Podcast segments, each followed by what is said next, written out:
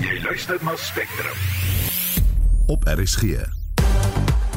Goeiemiddag. In vandag se program sal oud-president Zuma moet tronk toe wanneer hy van mediese behandeling in Rusland terugkeer. Ons praat met kenners. Hoe skerp is die internasionale strafhof se tande om in te gryp by Sudan? Die hof kan net soort van sukses daarmee behaal as die samewerking gekry kan word van die lidstate van die hof. En ons berig oor 'n woelige sportnaweek. Welkom by Spectrum. Die span is redakteur Wessel Pretorius, produksieregisseur Daitrin Godfrey en ek is Marietta Kreur.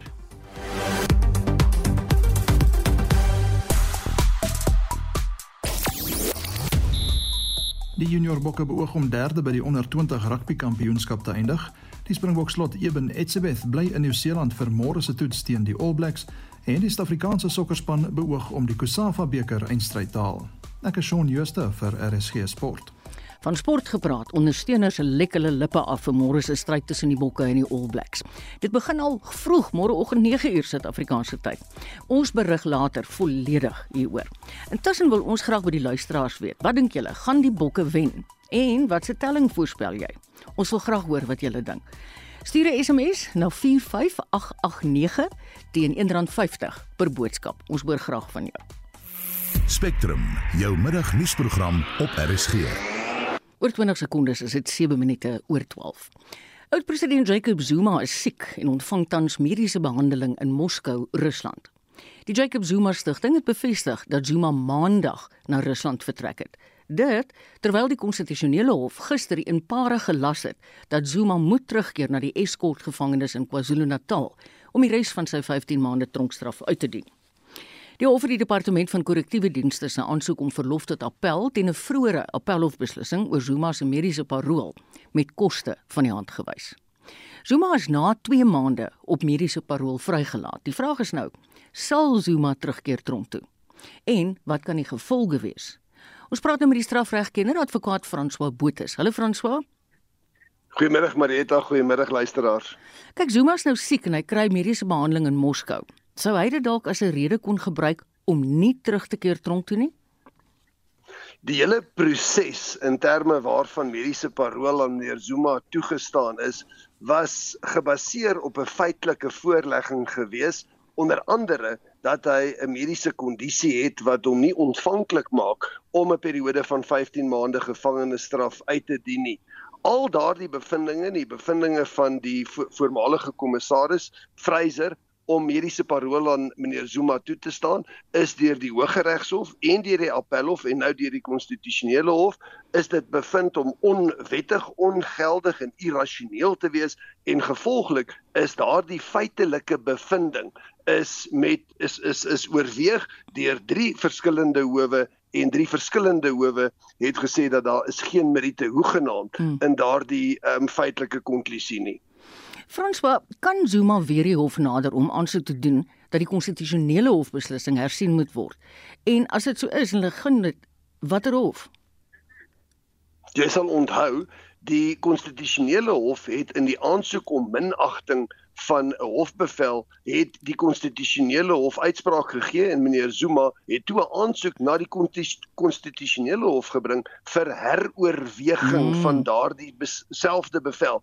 Die konstitusionele hof het een vraag aan meneer Zuma se regspan gevra en dit was wat is die feite waarop jy steun wat ons nie genoegsaam oorweging geskenk het nie en hoekom moet ons dit nou doen Met ander woorde, hoekom moet ons twee keer na presies dieselfde feite kyk? Op die waarskynlikhede sal meneer Zuma se instruksie aan sy regspan wees om dit weer eens te doen. Die vooruitsig op sukses is nie uiters skraal nie. Die vooruitsig op sukses is net eenvoudig nul.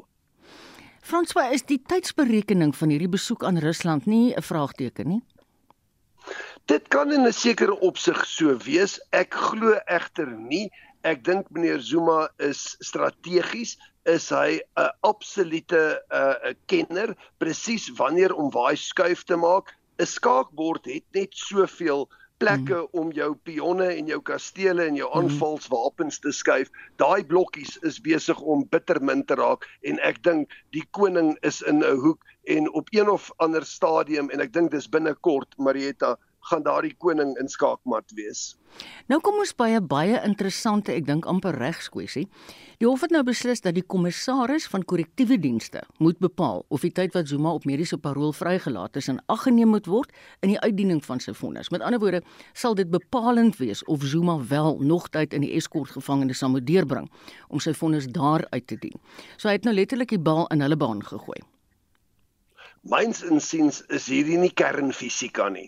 Die konstitusionele hof het gelas dat meneer Zuma 15 maande gevangenisstraf moet uitdien en dit impliseer dat dit binne 'n tronk moet wees. Hy het 2 maande daarvan uitgedien. 2 minus 15 is 13. Ek dink nie daar is enige twyfel in enige mens se gemoed dat die besluit wat die kommissaris moet neem, dit dit is 'n administratiewe handeling is dat meneer Zuma moet terugkeer na die tronk toe om die oorblywende tydperk in hierdie geval 13 maande binne en nie buite die gevangenis moet um, moet uitdien. Die tong op sosiale media is behoorlik los oor die feit dat Zuma moet terugkeer na die Escort gevangenis. Sommige daarteen, talle daarvoor. Ek gaan nou vir jou twee van die boodskappe lees en gaan dit sommer so vryhand vertaal want beide was in Engels. En dit sê ons kan nie toelaat dat die angs van Julie 2021 veroorsaak dat daar nie 'n oordeel gevel word nie. Die ander ene sê en skielik maak al hierdie vragmotors wat brand sin. En Absoluut nie. Waarop daai hierdie boodskappe dink jy? Daar is daar's twee belangrike um, elemente wat 'n mens op hierdie weegskaal moet plaas. Een is die oppergesag van die reg en twee 'n vrees dat daar onluste weer sal uitbreek. Ek glo en ek vertrou dat die sekuriteits um, magte, die weermag en die polisie is op 'n gereedheidsgrondslag om te voorkom dit wat ons 2 jaar terug Julie beleef het. Ons kan nie in 'n staat van vrees lewe bloot omdat een persoon besluit het hy gaan die oppergesag van die reg uithard en minag nie. Interessant dat jy daai nou noem want Zuma se dogter het op haar Twitter-rekening geskryf Dudu Zuma Sambundla by 'n video van 'n vragmotor wat aan die brand is. En dan sê sy verder July never fails us. Kan hierdie nie as aanhitsing gesien word nie? Uit die aard van die saak, daar's geen twyfel dat dit aanhitsing is nie. En weer eens, dit is 'n uh, herhaling van die geskiedenis daar het 'n persepsie ontwikkel dat mense moet in vrees lewe vir die persone wat in mag is. Het sy die politici en wat ons nou onlangs gesien het, die polisie. En daai persepsie moet die publiek net eenvoudig agter hulle sit en sê ons gaan nie toelaat mm. om by wyse van vrees te lewe in hierdie pragtige land van ons nie. Baie dankie vir jou tyd François. Dit was advokaat François Botes, hy's 'n strafregkenner. En ons bly by die onderwerp en 'n persoon wat nou geluister het na die storie, is 'n senior opleidingskoördineerder van die Enact program by die Instituut vir Sekuriteitsstudies, Willem Els. Hallo Willem. Hallo Marieta. Jy het nou gehoor wat François sê oor Zuma se dogter se boodskap op haar Twitter-profiel en dat dit as aanhitsing beskou kan word. Nou sonder om onnodige paniek te saai. Is dit moontlik dink jy dat onluste weer kan opvlam as Zuma moet terugkeer tronk toe? Ja Marieta, dit is 'n oop vraag. Jy weet die land is tans natuurlik uh, op 'n mespunt uh, na aanleiding van onlangse gebeure ook natuurlik die trokke wat so brand en uh, na, jy het ook regtelik gesê dat dat uh, sy die die foto op haar uh, mm. uh, blad gesit. So so uh, nou het ons klaar die regsmening gekry. Ek is nie ek het nie uh, daai regsagtergrond nie, maar ons het die regsmening gekry daar wat vir my natuurlik nou die vraag vra 2 jaar na die die die die onluste uh het is is 'n radioomroeper en 'n paar mense wat vleis gesteel het is is is is uh aan die aan die aan die reg gebring. Uh dit dit dit dit dui vir ons uh, op 'n onvermoë of miskien 'n uh, politieke beskerming van die mense wat natuurlik die dinge aanhits en verantwoordelik is vir die dinge en dit dit natuurlik versterk die mense se hand. Uh, as hulle weet daar gaan nie reperkusies wees nie, gaan hulle net sterker en sterker voortree en dit kan dan natuurlik verder lei tot verdere on, uh, onluste. Nou kyk, dis nie net Zuma se dogter wat op sosiale media oprui nie, daar's baie tonge wat los is. Kan mense sien as aanhitsing onder die mense? Uh, Natuurlik, jy weet dit gaan oor aanhitsing en dan gaan dit ook oor persepsies wat geskep word. Die aanhitsers uh, uh, gebruik populistiese se se slagspreuke, hulle speel op die gevoelens van die, van die van die massas en hulle skep dan ook persepsies by hulle. En dit mm. weet ons dat 90% gaan oor persepsie en ja. dit maak dit natuurlik 'n ongelooflike vlambare situasie wat dan ontstaan. Jy weet niemand van ons kan vergeet hoe sleg was daai Julie 2021 nie. Ek meen mense is dood en dit het die land miljarde rand gekos. Nou vragmotors is die afgelope week aan die brand gesteek. Ek het gister 'n telling gehad van 22, maar ek sien vandag sê hulle 21. Maar goed, hoewel niemand 'n direkte verband met die uitspraak van die konstitusionele hof kan maak nie, is daar tog voorvalle wat die land ongetwyfeld reuse skade kan berokken.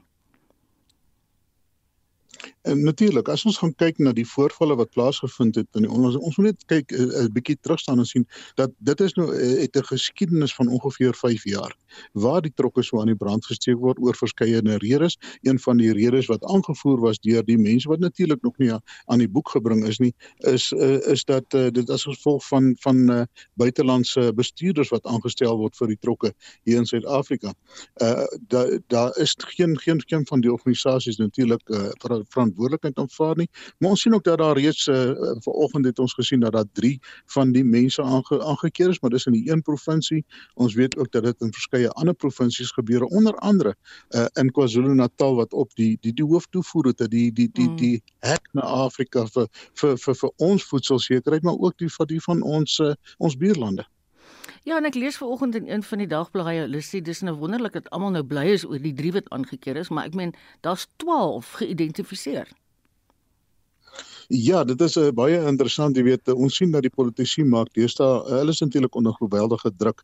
Ons sien dat uh, minister uh, Prophet Gordon het gesê dat uh, die ringkoppe by Eskom is bekend aan hulle en toe hy gevra word maar hoekom word nie nou gearresteer nie, toe kon hy nie antwoord nie. En dieselfde vraag word nou gevra aan aan die minister van polisie. Dis dis dis goed hmm. en wel om te sê ons het 12 mense. Is dit die ringkoppe? Is dit die onthou net een ding, die die die, die slang van die slang se kop moet afgekap word om hierdie dinge ja. te, te, te tot tot einde te bring. En as ons die voedsoldate soos wat uh, ons vermoed hierdie drie arrestasies is, as hulle aanhou die mense aan te keer, gaan ons nooit by die kruks van die saak kom en natuurlik om die ding uit te roei vir ons land nie. Willem, as jy nou raad kan gee vir die wetstoepassingsowerhede en die polisie, hoe kan hulle hulle voorberei dat ons nie herhaling het nie? Hey, Marita het 2 jaar gehad uh, om om hulle voor te berei. Ons sien dat hulle was werklik met vir al ons intelligensieagentskappe was met hulle broek op die knie gevang. Uh, daar was geen vooraf kennis van wat 2 jaar te, te gelede gebeur wat, wat wat wat wat ons van weet nie. Hulle was totaal en al was die polisie onvoorbereid vir wat gebeur het. En ons sien dat met die trok uh, aanvalle wat die van die afgelope week blyk dit dat daar weer eens nie 'n uh, uh, intelligensie was. En om weet as mense intelligensie kry, dan kan die wetstoepassingsagentskappe kan dan proaktiewe ja. stappe neem om hierdie dinge te voorkom. En ons het niks in daai aard gesien nie. So dit gee vir ons 'n aanduiding dat ons weer gesit het sonder daai hmm. intelligensie. En dit is baie moeilik natuurlik om so 'n ding te bestuur as daar nie intelligensie is nie. So hulle sal moet baie baie beslis uh, uh, die groot glas op op op ons intelligensie vermoë skep. Uh, ek meen uh, die Mufamadi uh, uh, uh, kommissie en al die ander uh, uh, uitsprake wat gemaak is asof aan na die staat na aanleiding van die staat van ons uh, intelligensie agentskappe. Dit is 'n reuse kommer dat dit nie daar is nie want onthou net een ding jou jou mense wat besluite neem, jou president van die president af af onder toe. Hulle moet ingeligte besluite ja. kan neem en dit is wat die intelligensie agentskappe vir hulle verskaf. Dit was vir my verstommend vroeër in die week dat die polisie kommissaris Fanny Masemola gesê het, hulle het oor inligting van moontlike voorvalle beskik, maar hulle het nie genoeg inligting gehad nie. Is dit nie hulle taak nie? natuurlik is dit hulle taak. Ek weet ek weet hulle soos ek sê hulle is onder druk en ons het daai inligting en onthou net enige enige enige intelligensie of enige uh, ja intelligensie begin by inligting. Daai inligting moet versamel word, dit moet geanaliseer word en dan word dit omskep in intelligensie. En en en dit is wat wat hulle miskien uh, uh, nie die vermoë gehad het of nie genoegsame inligting gehad het om dit want uh, een een bron is nie noodwendig vir jou uh, vir vir gee uh, kan kan vir intelligensie gee nie wat hulle dan doen is hulle kry verskeie bronne en dan mm. dan pak hulle dit diep uh, verslae bo op mekaar en dan in die Engels praat ons van die layering of the reports en dan begin hulle met 'n analise wat dan natuurlik uh, deurgegee word as intelligensie. So so dit is 'n uh, baie groot probleem. Uh, maar Marita, ek dink aan die aan die een kant uh, uh, ons ons grootste probleem op die oomblik uh, is 'n leierskap uh, probleem binne ja. die binne ons Wes-toepassing. Uh, ons sien dat hulle is onder geweldige druk. Ons het gesien hoe onder hoeveel druk die die die minister van polisie was uh, met met die met die uh, die onlangse persverklaring en en dit gaan net aanhou op en op op op opdruk en opdruk en opdruk op hom want want want daar kom nie resultate nie en dit lyk of daar 'n onvermoë is ja. van die leierskap van Wes-toepassing om hierdie ding aan te spreek. En die mestel het ook op in die media. Willem baie baie dankie. Dit was Willem Els, 'n senior opleidingskoördineerder van die Enact program by die Instituut vir Sekuriteitsstudies op die kop 20 oor 12. Inwoners in Kaapstad is die Josie in nadat die Kaapstadse Metro 'n elektrisiteitstariefverhoging van 17,6% ingestel het. Die verhoging is sedert die 1 Julie van krag. Hoewel die tariefverhoging hoër is as die tarief wat deur Nersa goedgekeur is, sê die Metro hy beskerm inwoners teen Eskom se 18,5% tariefverhoging. Esie de Klerk doen verslag. Die Kaapstadse Metro se burgemeesterskomitee lid vir energie, Beverly van Reenen, sê Eskom se 18,5% tariefverhoging het 'n reuse impak op alle metro's en munisipaliteite in die land. Sy sê vir die Kaapstadse Metro beteken dit dit kos die stad meer om krag in groot maat van Eskom aan te koop om aan inwoners te versprei. The key issue is the Eskom tariff hike of 18.5%. Nurses tariff benchmarking methodology has already been reviewed and ruled unlawful in two High Court judgments. NERSA is applying the benchmark methodology now for the last time. In terms of the Electricity Regulation Act, NERSA must allow an efficient utility to recover its costs.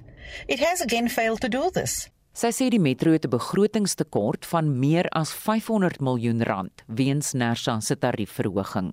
This shortfall would make it impossible and unsustainable for the city to run a reliable electricity service and implement plans to end load shedding. The city's electricity tariff of 17.6% was legally approved by council in terms of the Municipal Finance Management Act in May 2023 following the public participation process. The city spends about 70% of its tariff income to buy electricity from Eskom, with the remaining 30% covering the cost of reliable electricity service and plans to end load shedding. Van Reenen sê die metro bied verligting aan behoeftiges, pensionaarsse en kliënte wat dit nie kan bybring nie. Ek is Estie de Klerk vir SAK nuus. En nou gaan ons van krag na water, twee kommoditeite wat Gautengers en veral Johannesburgers tans glad nie het nie. Die Kouga munisipaliteit in die Oos-Kaap, wat die dorpe Jeffreys Bay, Humansdorp, St Francis Bay, Kaapse Francis, Osterbaai, Patensie, Henkie, Luri en Thornhill insluit, het vier suiweringsaanlegte voltooi om boorgatwater vir openbare gebruik beskikbaar te maak. Hierdie aanlegte is op munisipale vlak die grootste van sy soort op die vasteland.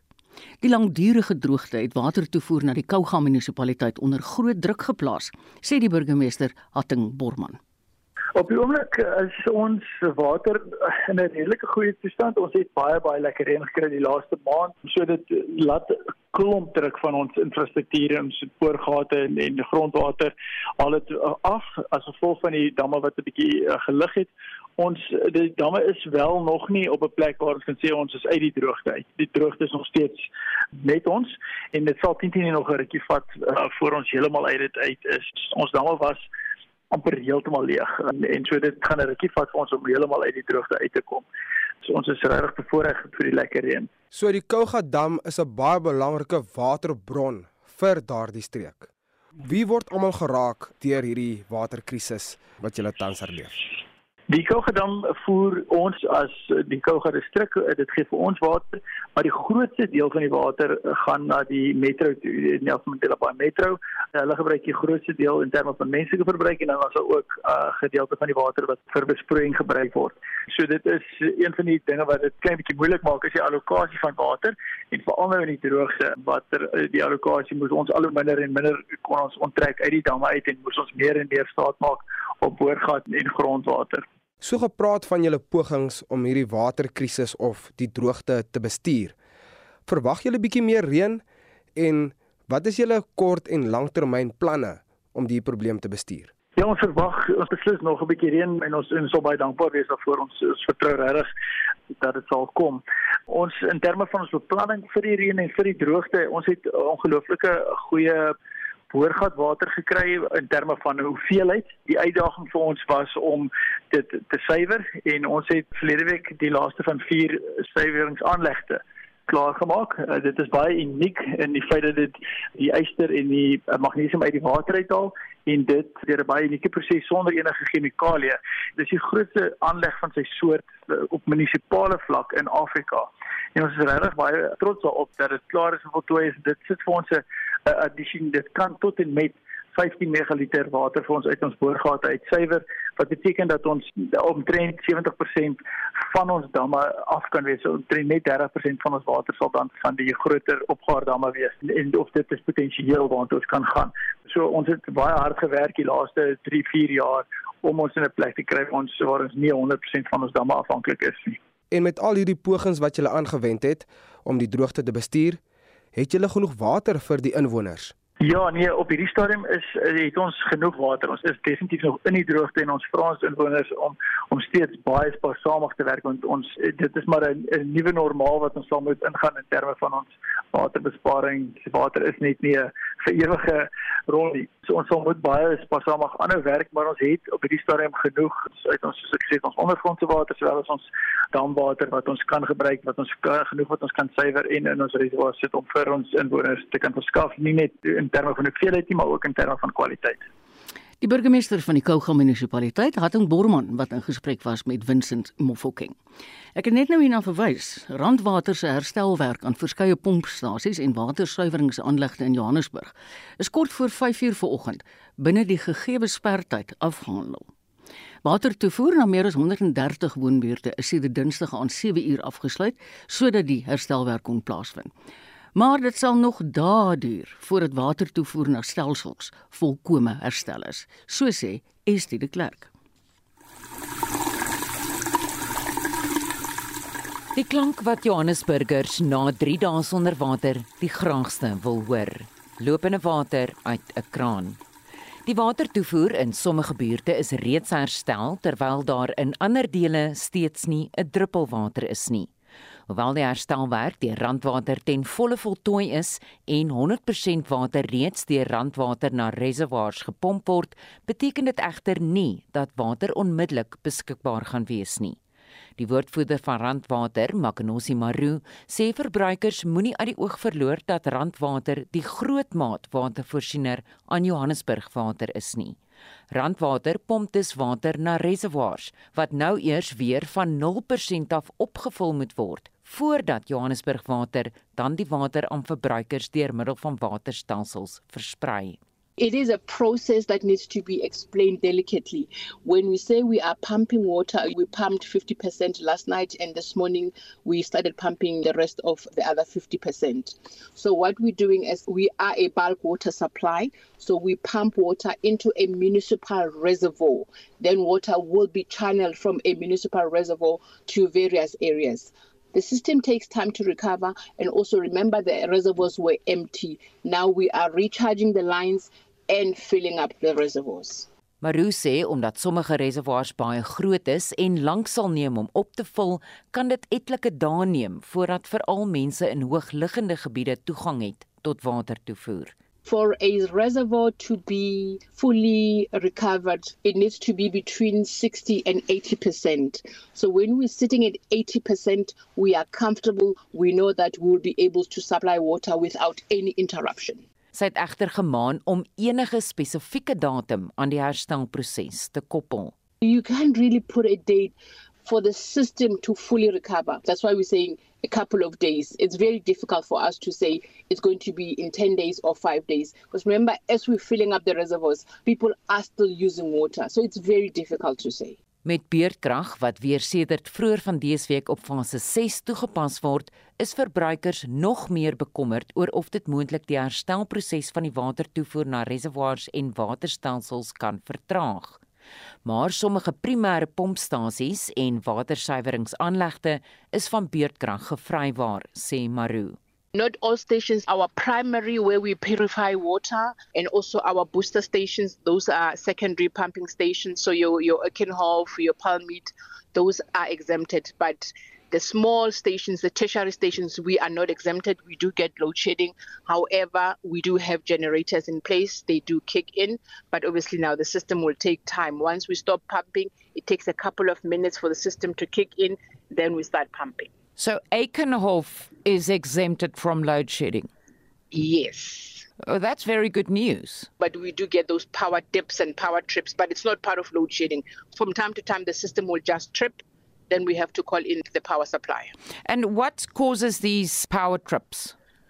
You know what? We really, I think we are going to be having a meeting with ESCOM soon, and I think we'll be able to communicate. They'll give us an indication exactly what is happening because I know that they are investigating and then they rectify the problem. But because we are also concerned about these power dips. Dit was die woordvoerder van Randwater, Makanosi Maru. Ek is Estie de Klerk vir SAK nuus. Spectrum, jou middagnuusprogram op RSG. Dis nou half 1 en die eerste deel van ons program lê op sy rug, maar in die tweede helfte berig ons oor die toets teen die All Blacks, die jongste van Wimbledon en die situasie in Sudan. Bly gerus ingeskakel.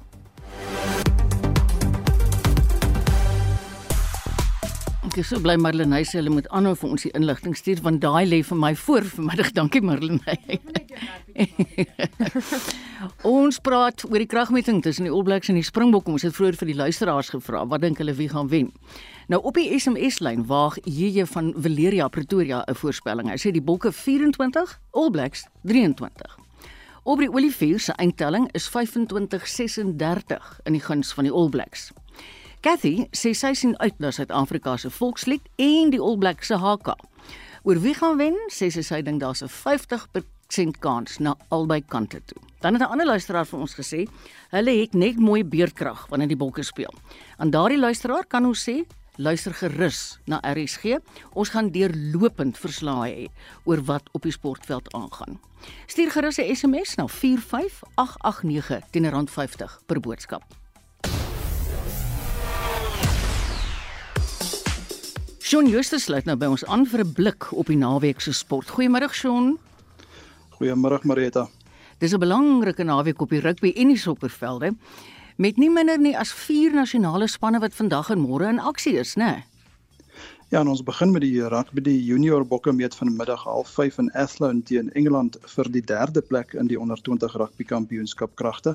Frankryk en Ierland takel mekaar vanaand 7uur in die eindstryd en dan oor na die senior span. Die Springbokke kom môreoggend net na 9 in Nieu-Seeland by die Mount Smart Stadion in eh, Auckland teen die All Blacks in die rugby kampioenskap te staan.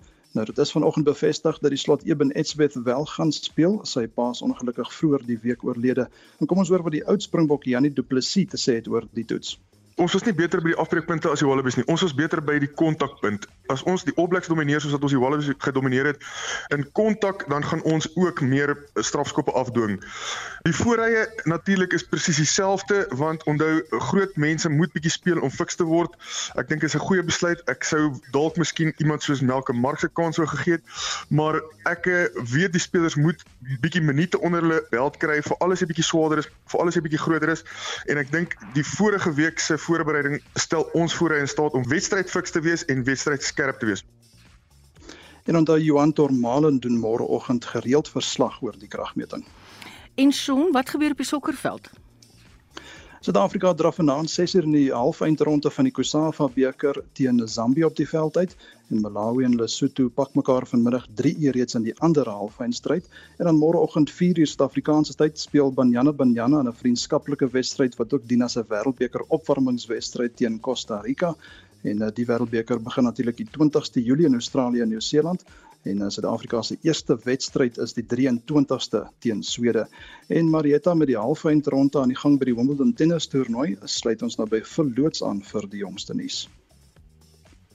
Ja, baie dankie Sean. Daardie wedstryde wat oor so rukkie gaan begin. Groot dag by Wimbledon vandag met die mans enkelspel halfeind wedstryde wat gaan plaasvind. Vier mans nog staande: Carlos Alcaraz, Daniil Medvedev, Novak Djokovic en Jannik Sinner. In die eerste wedstryd, die eerste halfeind vanmiddag, sal dit die jong 21-jarige Italianer Jannik Sinner wees wat te staan gaan kom in sy derde Wimbledon toernooi en wel in die halfeind teen die veteran Novak Djokovic, 36-jarige van Servië wat reeds in sy 18de Wimbledon toernooi gaan deelneem. Hy het reeds 4 in 'n ry gewen. Hy soek sy 5de oorwinning in 'n ry en dit sal sy 8ste Wimbledon titel wees indien hy die finaal haal en dan ook daar C4 en daarmee sal hy dan Roger Federer se rekord ewenaar. Maar dit moet nog eers alles plaasvind en dis 'n halfeind wat vanmiddag plaasvind tussen Novak Djokovic die tweede gekeerde en Jannik Sinner van Italië. Dit is dan wat gaan plaasvind vanmiddag die 8ste gekeerde Jannik Sinner. Die tweede halfeindwedstryd vandag waarna ons kan uitsien is Carlos Alcaraz, die wêreld se nommer 1 van Spanje, die jong Alcaraz. Die verste wat hy nog by Wimbledon gevorder het, is vanjaar in die halfeind en hy sal te staan kom teen die 27-jarige Daniil Medvedev wat op die oomblik derde gekeer is. Die gunstelinge vir die twee wedstryde behoort te wees Novak Djokovic teen Sinner en Alcaraz teen Medvedev wat 'n droom finaal Sondag op Wimbledon sal bepaal. Maar ons sal vir jou vanmiddag deur die van die dag op hoogte hou van wie wen vir wie tydens die halfeindstryde by Wimbledon. Verloots vir RSG Sport. En voor uh, vir het ons geluister na Shaun Jooste wat vir ons al die ander sport opgesom het. Spectrum, jou middagnuusprogram op RSG. En nou vir nuus aan die internasionale front. Die VN se Hoogkommissaris vir Menseregte, Volker Turk, veroordeel die moord op burgerlike inwoners van Sudan se Darfur-streek. Dit volg op inligting dat 87 liggame van hoofsaaklik Masalitiese landsburgers deur die Rapid Support Forces in 'n massagraf gestort is. Sudan se ses buurlande het vroeër vergader saam met die verteenwoordigers van die Afrika Unie en die Arabiese Liga in 'n poging om vredesamesprekings aan te moedig. Marlenae het vir ons die besonderhede. Die moorde is na alle aanduidings verlede maand gepleeg en plaaslike inwoners is glo gedwing om die liggame van die RSF se slagoffers te verwyder. En daar was volgens die VN heelwat vroue en kinders onder die slagoffers. Die woordvoerder vir die sekretaris-generaal is Stefan Dujarric. The Office of Human Rights said they were allegedly killed last month by Rapid Support Forces and their allied militia. Mr. Turk called on the Rapid Support Forces and other parties to the conflict to allow and facilitate the prompt search for bodies, their collection and evacuation. Volgens die VN het die moorde plaasgevind kort na die dood van Wes-Darfur se goewerneur Kamis Abakar op 14 Junie. Hy is deur die RSF in hegtenis geneem nadat hy die groep teengestaan het vir die moord op en haatspraak teen mense van ander etniese agtergronde. Dis juis in die gebied waar sowat 200 000 mense in die vroeë jare 2000 vermoor is. Die woordvoerder vir die Menseregte Kantoor in Genève, Ravina Shamdasani, brei uit oor die massagraf. At least 37 bodies were buried on the 20th of June in a 1 meter deep mass grave. Another 50 bodies were buried on the same site the next day, including bodies of seven women and seven children. We're calling on the RSF and other parties to the conflict to allow prompt searches for the dead, their collection and evacuation without distinction based on ethnic background, as they are obliged to do under international law. Witnesses said that local mediation efforts for access to the burial of the dead have generally taken long, leaving many bodies lying on the streets for days on end. Die internasionale strafhof se vervolger, Karim Khan, sê oortreders gaan aanspreeklik gehou word. It's my analysis and my prayer and advice that we must act urgently, collectively, to protect the most vulnerable. If this oft repeated phrase of never again is to mean anything, it must mean something here and now for the people of Darfur that have lived with this uncertainty and pain and the scars of conflict for almost two decades. Leiers van Sudan se buurlande het intussen gister oor die kwessie vergader en probeer opnuut om vredesamesprekings op dreef te kry. Intussen waarsku Dujarric dat 'n humanitêre krisis ontvou. The World Food Programme has delivered food to nearly 500,000 men, women, and children. Across Sudan, WFP says support is being provided to over 1.4 million people, despite continued fighting and access challenges in 14 of the country's 18 states. And that includes some of the most hard to reach areas in Darfur. The deteriorating security situation and access restrictions by the warring parties is making extremely challenging for WFP to scale up assistance. Dit was die woordvoerder vir die sekretaris-generaal van die VN, Stefan Dujarric. Die verslag is saamgestel deur Sherwin Bryce Peace in New York, ek's Marlene Forsie vir SAK nuus. Intussen sê 'n professor in internasionale reg aan die Universiteit van Johannesburg, Henny Strydom, die strafhof se grootste uitdaging is die feit dat Sudan 'n mislukte staat is. Het aan Marlene gesê dis onrealisties om te verwag dat behoorlike getuienis deur die staat ingesamel kan word. So, wat moet die strafhof nou doen? Die uitdaging sal wees natuurlik om die toestemming te kry van die Sudanese staat en dan moet daar natuurlik 'n ondersoekspanne saamgestel word en dan is daar die verdere gewapende konfliksituasie waar binne so ondersoek moet plaasvind. En dit is die gewone scenario wat 'n mens mee te doen het in hierdie gevalle as ons net dink aan die Joegoslawië oorlog en Rwanda waar hierdie praktiese probleme maar altyd opduik. Dis nie die eerste keer dat die land by die internasionale strafhof draai nie.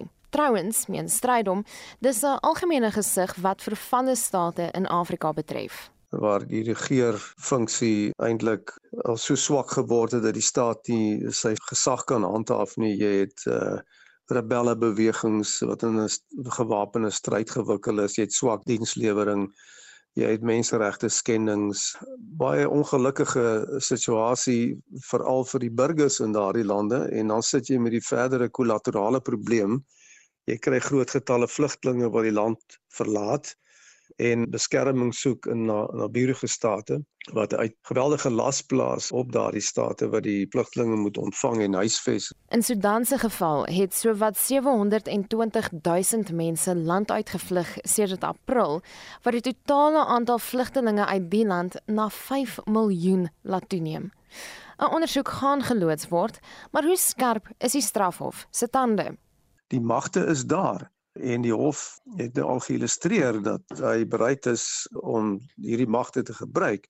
Maar die hof kan net soort van sukses daarmee behaal as die samewerking gekry kan word van die lidstate van die hof. Die hof het nie sy eie polisie mag nie soos in 'n staat waar die polisie mag iemand kan arresteer en voor die hof kan bring nie. Daai werk moet gedoen word deur die lidstate of deur die staat waar die konflik plaasvind. En dit is gewoonlik waar die probleem ontstaan. Maar dis nie die hof se probleem, dis die lidstate se probleem. Stryd om meen dat Suid-Afrika nie onskuldig is in die verband nie. Ons het 'n rol gespeel destyds in stryd met ons eie grondwet en ons eie parlementêre wetgewing om El Bashir nie te arresteer en aan die hof oor te plaas nie. Is 'n baie slegte deel in ons geskiedenis as lid van die hof en nou sit ons met die verdere probleem met Vladimir Putin. En dit is sulke tipe staatsaksies of versuim om op te tree wat 'n impak het op die hof se funksionering. Dit was 'n professor in internasionale reg aan die Universiteit van Johannesburg en die strydom. Marlene Forsie is ikonies. Spectrum, jou middagnuusprogram op RSG. Terug by plaaslike nuus. Die Mosselbaai munisipaliteit in die Wes-Kaap het 'n gemeenskapsveiligheidsplan van stapel gestuur. Dit sluit in 'n nuwe reaksie-eenheid en hipermoderne gewapende personeeldraer voertuie. Tanya Krause doen verslag. Gemeenskapsveiligheid en die voorkoming van grondbesettings is die prioriteit van die nuwe eenheid. Dit gaan daaroor om landelike gemeenskappe veiliger te maak, veral die in landbougebiede. Die voertuie en personeel gaan mense reg oor die tuinroete beveilig. Die provinsiale minister van polisie oorsig en gemeenskapsveiligheid, Regan Allen, sê hulle wil alle gemeenskappe in die Wes-Kaap veiliger maak. Ons wil die hele Weskaap dien en ons wil hê dat ons inwoners in ons landelike gebiede moet eintlik veiliger voel en hierdie uh, voertuie gaan 'n lang pad gaan om te verseker dat daar veiligheid is in ons rurale gebiede, in ons plattelandgebiede en om kriminele elemente te disrupt en om te verseker dat ons kan proaktief wees en ons kan gereed wees vir enige eventuality. Die Wes-Kaapse premier Ellen Wendy sê die eenheid is 'n belegging in veiligheid. Van die gemeenskap tot die polisie tot die munisipaliteit, dit is regtig ongelooflik hierdie uh, vennootskap. En hier het hulle nou die volgende stap is investering in hierdie voertuie. Ek hoop hulle word nooit gebruik nie, maar hulle is hier net soos 'n brandtrok van die brandstasie is daar uh, just in case want jy moet reg wees presies dieselfde. Hulle is reg vir as daar moeilikheid is, hulle kan onmiddellik inspring. Die personeel is deel van die plaaslike gemeenskapslede wat verlede jaar opgelei is in eerste reaksie skadebeheer bestuur. Die Mosselbaai munisipaliteit se burgemeesterskomitee lid vir gemeenskapsveiligheid, Leon van Duyk, sê buiten die fisieke opleiding is hulle ook opgelei in wetgewing insluitend die strafproseswet. Dit is 'n hulp van die Suid-Afrikaanse Polisie Diens waar ons probeer om vinnige en doeltreffende reaksie daar te stel met 'n klein eenheid. Daar sal so twee van hulle beskikbaar wees.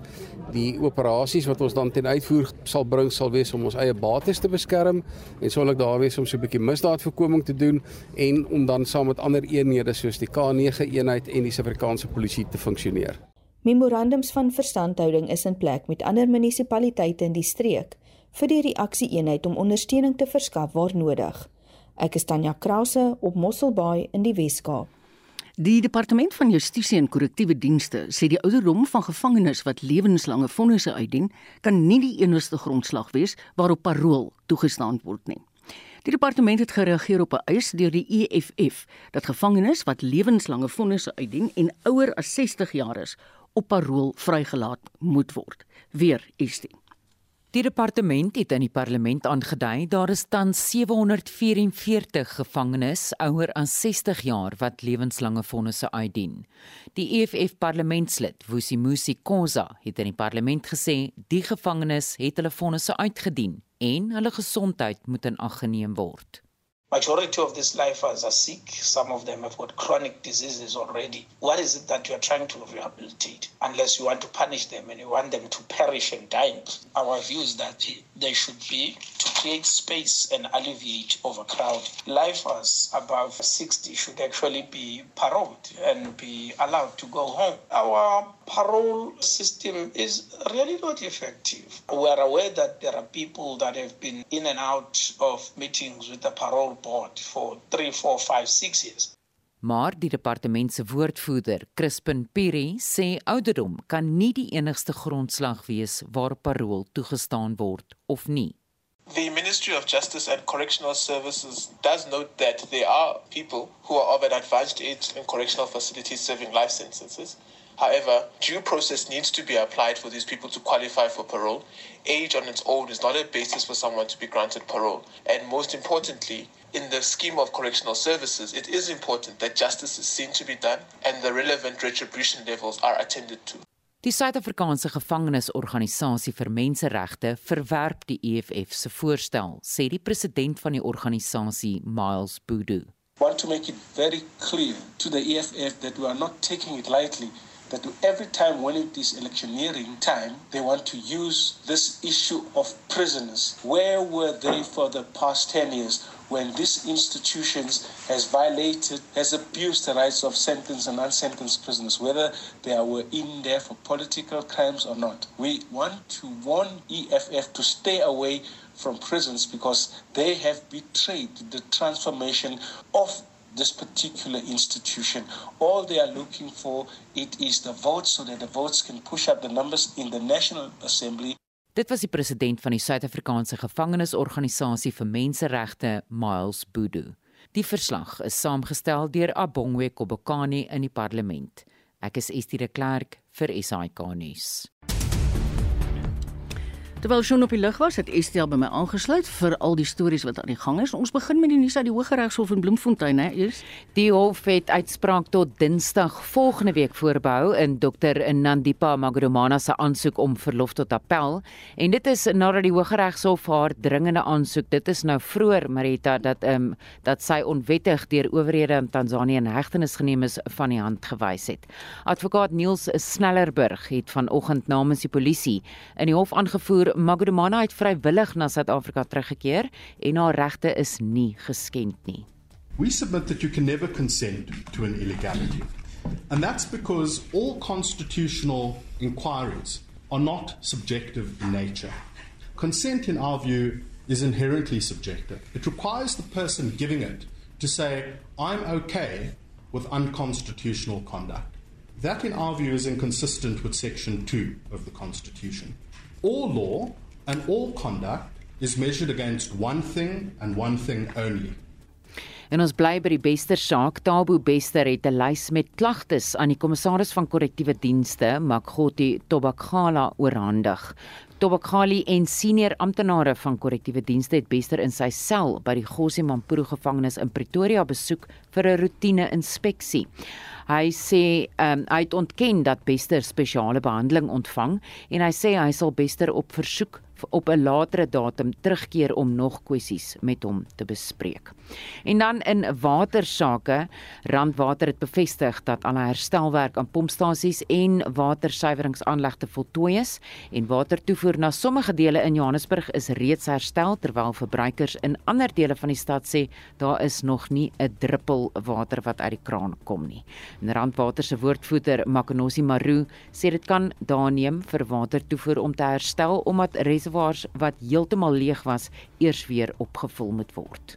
We are filling up the reservoirs. We know that some of the reservoirs ran empty, so it will take time for these reservoirs to recover, especially in the high lying areas. It will take a couple of days for the system to fully recover. For a reservoir to be fully recovered, it needs to be between 60 and 80%. So when we're sitting at 80%, we are comfortable. We know that we'll be able to supply water without any interruption. En in internasionale nuus is een persoon dood in 'n ongeluk by 'n Iran verrykingsaanleg in die Uralstreek in Rusland. En die staat se kernkorporasie Rosatom het gesê die voorval hou nie gevaar in vir die omliggende gebied nie. Die aanleg verryk Iran vir die gebruik in kernkragaanlegte en is die grootste ter wêreld. Dit was aan Estie wat vir ons 'n oorsig en 'n beknopte weergawe gegee het van die nuus van die dag. Jy het baie hard gewerk vandag, Estie. Baie dankie jy en Marlenae.